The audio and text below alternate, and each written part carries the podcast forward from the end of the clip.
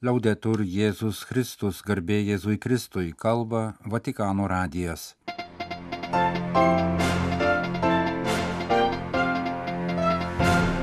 Malonus klausytojai šioje penktadienio birželio 30-osios laidoje popiežiaus audiencijos Konstantinopolio visuotinio patriarchato delegacijai temos - bažnyčios bendrystė ir tragiškas karas Ukrainoje. Reikia visų bendrų pastangų teisingai ir pastoviai taikai atkurti.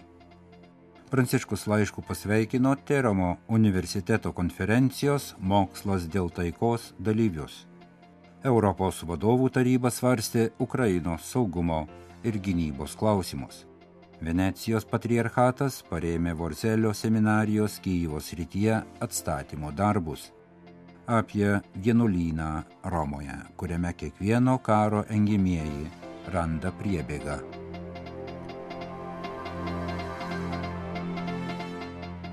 Popiežius Pranciškus penktadienį birželio 30 dieną audiencijoje priėmė Konstantinopolio visuotinio patriarchato delegaciją ketvirtadienį dalyvavusią apaštalų šventųjų Petro ir Pauliaus iškilmės mišiose Šventojo Petro bazilikoje. Delegacija, kuriai vadovavo arkivyskupas Jobas Geča, popiežiaus vadovautose mišiose ketvirtadienį lydėjo krikščionių vienybės dikasterijos prefektas kardinolas Kurtas Kochas, o penktadienio audiencijoje dikasterijos sekretorius arkivyskupas Brainas Farelas.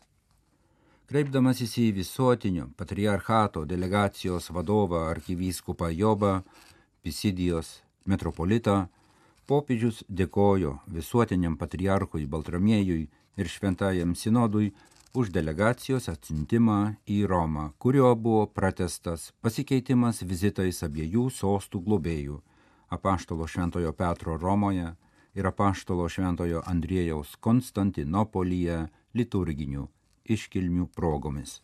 Popiežius neskaitė audiencijos dalyviams skirtos sveikinimo kalbos, tačiau perdavė tekstą, kuriame gan išsamei aptarė dvi opes temas naują tarptautinės mišrios katalikų bažnyčios ir ortodoksų bažnyčios teologinio dialogo komisijos dokumentą apie sinodiškumą ir pirmumą ir bendrą rūpestį dėl Rusijos pradėto karo draskomos Ukrainos. Tai karas, kuris mus labai paveikia. Jis parodo, kaip visi karai iš tikrųjų yra nelaimės didžiulės nelaimės žmonėms ir šeimoms, vaikams ir pagyvenusiems žmonėms, žmonėms priverstiems palikti savo šalį, miestams, kaimams ir kūrinyjei, kaip neseniai matėme po Kahovkos užtvankos sunaikinimo. Kaip Kristaus sekėjai, turime nesusitaikyti su karu, bet dirbti kartu siekdami taikos. Tragiška, nesibaigiančio karo tikrovė reikalauja visų bendrų kūrybinių pastangų, kad būtų galima įsivaizduoti ir sukurti taikos kelius siekiant teisingos ir pastovios taikos. Be abejonės taika nėra tai, ką galime pasiekti patys, bet visų pirma yra viešpaties dovana, kartu tai yra malonė, kurią turi priimti vyrai ir moterys, ypač tikintieji, pašaukti dalyvauti Dievo taikdarystės darbe, pažymėjo sveikinimo tekste popiežius Pranciškus. Anot Pranciškaus, Evangelija mums parodo, kad taika gimsta ne vien iš karo nebuvimo, bet kyla iš žmogaus širdies. Tai, kas trukdo taikai, galiausiai yra karčios šaknys, kurias nešiojamės savyje. Godumas, savanaudiškas noras siekti savo interesų asmeniniu, bendruomenės, nacionaliniu ir net religiniu lygmenimis. Todėl Jėzus kaip sprendimą pasiūlė širdžių atsivertimą, atnaudinant jas meilę tėvui, kuris leidžia savo saulėje tekėti blogiesiems ir geriesiems, siunčia lietų ant teisiųjų ir neteisiųjų. Tai maloninga ir visuotinė meilė, kuri neapsiriboja mūsų pačių grupe Jei mūsų gyvenimas neskelbia šios meilės naujovės, kaip galime pasauliui liudyti Jėzų, klausė popiežius. Jis patikino, kad užsisklendimo ir savanaudiškumo požiūris turi būti atremtas Dievo stiliumi, kuris, kaip Kristus mus mokė savo pavyzdžių, yra tarnystė ir savęs išsižadėjimas. Popiežius pažymėjo, jog galime būti tikri, kad įkūnydami šį stilių krikščionys auks abipusėje bendrystėje ir padės mūsų pasauliui, kuriam būdingas susiskaldimas ir nesantaikos. Aptardamas mišrios ortodoksų ir katalikų teologinės komisijos dokumentą apie sinodiškumą ir pirmumą, Pranciškus išreiškė vilti, kad jis padės peržengti abiejų pusių naudotus polemiškus argumentus, kurie galėjo atrodyti naudingi savo tapatybei stiprinti, tačiau iš tikrųjų sutelkdavo dėmesį tik į save ir į praeitį. Istorija pamokė, tęsė Pranciškus, kad esame pašaukti kartu ieškoti būdų, kaip įgyvendinti pirmumą, kuris sinodiškumo kontekste visuotiniu mastu tarnautų bažnyčios bendrystei. Visiška krikščionių vienybė bus šventosios dvasios malonė, todėl vienybės reikia ieškoti šventojoje dvasioje. Mat tikinčiųjų bendrystė nėra nuolaidų ar kompromisų, o broliškos meilės klausimas brolių, kurie išpažįsta esantys mylimojo tėvo vaikai ir kad kupini Kristaus dvasios geba savo skirtingumą išgyventi platesnėme kontekste. Tai šventosios dvasios, kuri suderina skirtumus nesuvienodindama tikrovės perspektyva, pažymėjo popiežius. Priminsime, kad popiežių pranciškų aplankiusios Konstantinopolio delegacijos vadovas metropolitas Jobas ir krikščionių vienybės dikasterijos prefektas Kurtas Kochas yra šį dokumentą parengusios tarptautinės mišrios katalikų bažnyčios ir ortodoksų bažnyčios teologinio dialogo komisijos pirmininkai.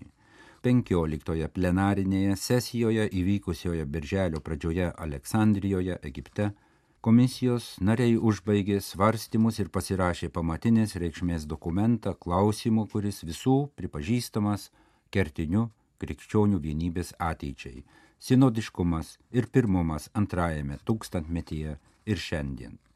Redaguodama dokumentą, komisija siekia bendro istorinio žvilgsnio į antrąjį krikščionybės tūkstantmetį per atvirą dialogą, kad galėtų pagilinti bendrą supratimą ir abipusį pasitikėjimą kaip esminę susitaikymo sąlygą trečiojo tūkstantmečio pradžioje pažymi krikščionių vienybės dikasterija Dikasterijos ataskaitoje atkreiptas dėmesys į dokumento išvadą, jog sinodiškumo ir pirmumo tarpusavio priklausomybė yra pagrindinis bažnyčios gyvenimo principas. Ir šio principo turi būti laikomasi siekiant įgyvendinti bažnyčios poreikius ir reikalavimus mūsų laikais. Birželio 30 Liepos 1 dienomis Teramo universitete centrinėje Italijoje vyksta konferencija Mokslas dėl taikos, naujieji pažinimo mokiniai ir mokslinis metodas pokyčio epochoje. Konferenciją surengė minėtas universitetas Teromo Atri viskupija, Popiežiškoji mokslo akademija ir Italijos švietimo ministerija. Konferencijos dalyvius laišku pasveikino popiežius Pranciškus. Pasak jo, būti mokslininkais yra pašaukimas ir misija, o taip pat artimo meilės forma. Galima kalbėti apie intelektualinę meilę. Pranciškus priminė XIX amžiaus mąstytoją palaimintąjį Antonijo Rosminį. Pastarasis buvo įsitikinęs, jog tarp tiesos ir artimo meilės egzistuoja fundamentalus ryšys. Tiesos ieškojimas ir tyrinėjimas yra būtini ne vien todėl, kad padeda geriau tarnauti artimui, bet ir todėl, kad savaime yra meilės forma, leidžianti atskleisti ir priimti Dievo dovanas. Popiežius Pranciškus taip pat priminė savo enciklikos Fratelli Tutti teiginį, jog intelektualiniai meiliai nedara likti uždarytai tyrimų centruose, izoliuotai viename ar kitame pažinimo lauke ir ji turėtų prisimti istorinę atsakomybę kurti brolybę. Laukiame anot jo naujų pažinimo mokinių, kurie sugeba plačiai žvelgti į tikrovę, pateikti naują meilės ir pažinimo tikėjimo ir proto sintezę Savo žinioje popiežius Pranciškus taip pat pasveikino Teiramo Atri viskupiją, kuri švenčia savo ir Teiramo miesto globėjui šventajam Berardui, vienuoliui ir vyskupui skirtus jubilėjinius metus ir mini jo 900 metų mirties sukakti. Jūs klausotės Vatikano radio žinių laidos, tęsėme programą. Rusijos bombardavimo Krematorskė patvirtintų aukų skaičius išaugo iki 12. Tuo tarpu Europos viršūnių susitikime aptariamos Ukrainos įstojimo į NATO perspektyvos ir situacija šalyje. Europos vadovų susitikimo Briuselėje darbo tvarkė daugiausia susijusi su karu Ukrainoje ir šalies įstojimo į NATO perspektyvomis. Pradedamos lauko pratybos prieš galimą brandolinę ataką. Situacija Rusijoje po nepavykusio Wagnerio grupės sukilimo, Ukrainos kontrpolimas ir ES parama Kijevui, taip pat ES ir NATO bendradarbiavimo stiprinimas. Apie tai diskutuojama pirmoje Briuselėje vykusio Europos viršūnių susitikimo dalyje. Renginys prasidėjo 27 valstybių narių lyderių ir NATO generalinio sekretoriaus Jenso Stoltenbergo susitikimu. NATO generalinis sekretorius sakė, kad Vilniuje vyksiančiame viršūnių susitikime Liepos 11 ir 12 dienomis sąjungininkai aptars Ukrainos įstojimo į NATO perspektyvas, kurios duris atviros, nes sąjungininkai, o ne Rusija, nusprendžia, kas gali įstoti. Vėliau pasisakė Europos parlamento pirmininkė Roberta Metzola. Svarstyta Ukrainos situacija su prezidento Volodymyro Zelenskio dalyvavimu nuotoliniu būdu. Į viršūnių susitikimą atvykęs Ispanijos ministras pirmininkas Pedro Sančesas pareiškė, kad prezidento Volodymyro Zelenskio pasiūlymas surenkti pasaulinę taikos konferenciją Ukrainoje bus įvertintas Europos vadovų tarybos Bruselėje metu. Tuo tarpu šalia Rusijos okupuotos Zaporožės atominės elektrinės Ukrainos šalies pietuose vyksta reagavimo į brandolinės katastrofas pratybos. Šį mėnesį Kyivas apkaltino Rusiją planuojant teroristinę ataką prieš elektrinę, kuri būtų susijusi su radiacijos išskirimu. Maskva kaltinimus atmetė. Zaporožės srities gubernatorius Jurijus Malaška sakė, kad pratybos prasidėjo mieste ir aplinkiniuose rajonuose. Panašios pratybos taip pat pradėtos netoliese esančiame Hersono regione, kur pasak gubernatoriaus Prokudino valstybės pareigūnai ir civilinės saugos darbuotojai kartu bando scenarijus kurie galėtų kilti po brandolinės nelaimės, testuojama kaip informuoti bei evakuoti gyventojus. Valdžios institucijos bando signalizacijos sistemas. Venecijos patriarchatas nusprendė skirti privačių asmenų aukas seminarijos koplyčios rekonstrukcijai Vorzelyje, nedidelėme Ukrainos mieste netoli Bučios Kyjivo apylinkėse. Toks sprendimas priimtas Venecijos patriarcho ir Kyjivo viskupo auxiliaro susitarimu. 2022 m. balandį seminarija du kartus nukentėjo nuo Rusijos raketų, vėliau buvo apiplėšta. Bučia yra žinoma kaip Rusijos kariuomenės įvykdytų siaubingų civilių gyventojų žodinių vieta. Nepaisant to, Kyjivo lotynų katalikų viskupijos seminarijos bendruomenė tęsė savo veiklą remti seminarijos gyvenimą, kurios tikslas - renkti būsimus ganytojus, tai galimybė suteikti vilties krikščionių bendruomenių gyvenimui ir dovanoti Ukrainos seminaristams ramybės, kad galėtų kuo greičiau atgauti oraus ir struktūrizuoto bendruomeninio gyvenimo dimensiją. Romos žydai bėgė nuo nacių persekiojimo rado prieglopsti gailestingumo pranciškonių vienuolyne, įsikūrusiame viename Romos priemiščių. Šiandien to vienuolino duris atvertos bėgantiems nuo bet kokio karo. Ir tu čia gyveni, taip tai visų mūsų namai, jūsų, taip, bet jie atviri visiems, kuriems to reikia. Tad jūs esate geros, Jauna somalietė pagal musulmonų paprotį prisidengusi šydų, žvelgia nustebusi į tą vėliumą dėvinčią moterį, su kuria pirmąją nutarė pasikalbėti. Ji klausė vienuolės, kur tavo vaikai, kur vyras, nustemba išgirdusi atsakymą, kad vienuolė pasišventė Dievui. Aša atvyko į Romą iš vienos graikų salos pabėgėlių stovyklos, kur pagimdė savo kūdikį pašiūrėje, neapsaugosioje jos nei nuo šalčio, nei nuo gyvūnų, nei nuo žmonių akių.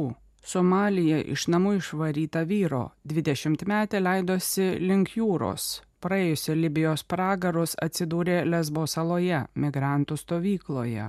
Čia leido dienas desperatiškai, be vilties, apimta baimės plastikinėje palapinėje, prigludusi prie mažos dukrelės, kurią saugojo kaip liūtė, o kita augo jos iščiose, kad gimtų begalinėme pavojuje. Jos gyvenime gėrio buvo mažai. Toje palapinėje ją rado šventojo Egidėjaus bendruomenė ir taip Aša atvyko į Romą, gailestingumo seserų vienuolyną su šešerių ir trejų metų dukrelėmis buvo apgyvendinta viename kambaryje, kur, nors ji to nežino, 1943-aisiais glaudėsi kitos motinos, bėgantis vaikai, išgelbėti nuo nacių persekiojimo vienuolių, kurios rizikavo gyvybėmis. Aša to nežino, tačiau šių moterų pasišventusių Dievui bendruomenė metai iš metų atsiliepia į pašaukimą būti gelbėjimo laivu kiekvienam bėgančiam nuo blogio. Šiauriniame Romos pakraštyje įsikūręs vienuolynas sunkiais laikais atveria vartus be klausimų. Istorija prasidėjo tada, kai nacijai karo metu Romoje ėmė persekioti žydus, eidami iš vienų namų į kitus, kad išsiųstų juos traukiniais į Aušvicą. 43-aisiais po nacių okupuotos Romos vienuolynus pasklido žinia apie popiežiaus troškimą slėpti žydus nuo fašistų, priglausti persekiojamus. Ne visi vienuolynai tai išpildė, tačiau gailestingumo seserų vienuolynas taip. Pirmoji atvyko viena mokytoja, vėliau bėgančios šeimos. Visi glaudėsi antrajame aukšte septyniuose kambariuose, apsaugotuose nuo medžiotojų akių, kur seseris atnešė Luksemburgo Madoną saugoti persekiojamuosius. Drąsiai ir žūliai jos paslėpė pabėgėlius tose pačiose patalpose, kurias iki spalio trečios dienos buvo užėmę esesininkai kaip karo ligoninės patalpas. Ir būtent drąsa joms padėjo kas kart, kai vis pasirodydavo juodieji būriai atlikti kratų. Vienuolės pasitikdavo juos šventų melu ir betodairišką improvizaciją kol esesininkai pergudrauti pasišalindavo. Taikos metu seseris atidarė Šventojo Pranciškaus mokyklėlę, išauginusią kartas vaikų patalpose, kur kadaise rinkdavosi esesininkai.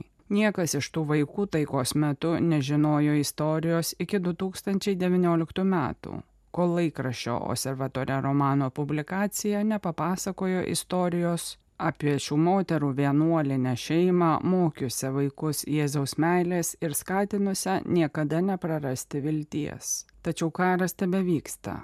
Korupcija, prekyba ginklais, beprotiški klimato pokyčiai, gili Afrikos, artimųjų rytų destabilizacija, totalitarinių režimų persekiojimai alina vis kitus žmonės, Tad vienuolino duris vėl atsivėrė persekiojamiems, jau nebe žydams romiečiams kaip 43-aisiais, o rumunams, ukrainiečiams, somaliečiams, Kongo gyventojams, sirams, afganams.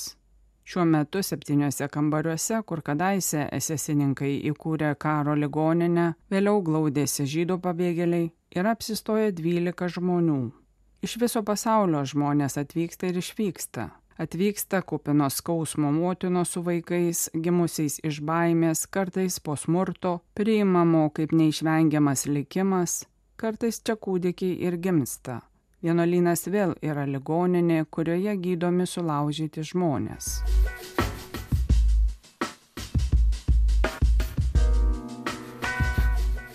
Kalba Vatikanų radijas. Laidą lietuvių kalba baigėme garbė Jėzui Kristui, liaudetur Jėzus Kristus.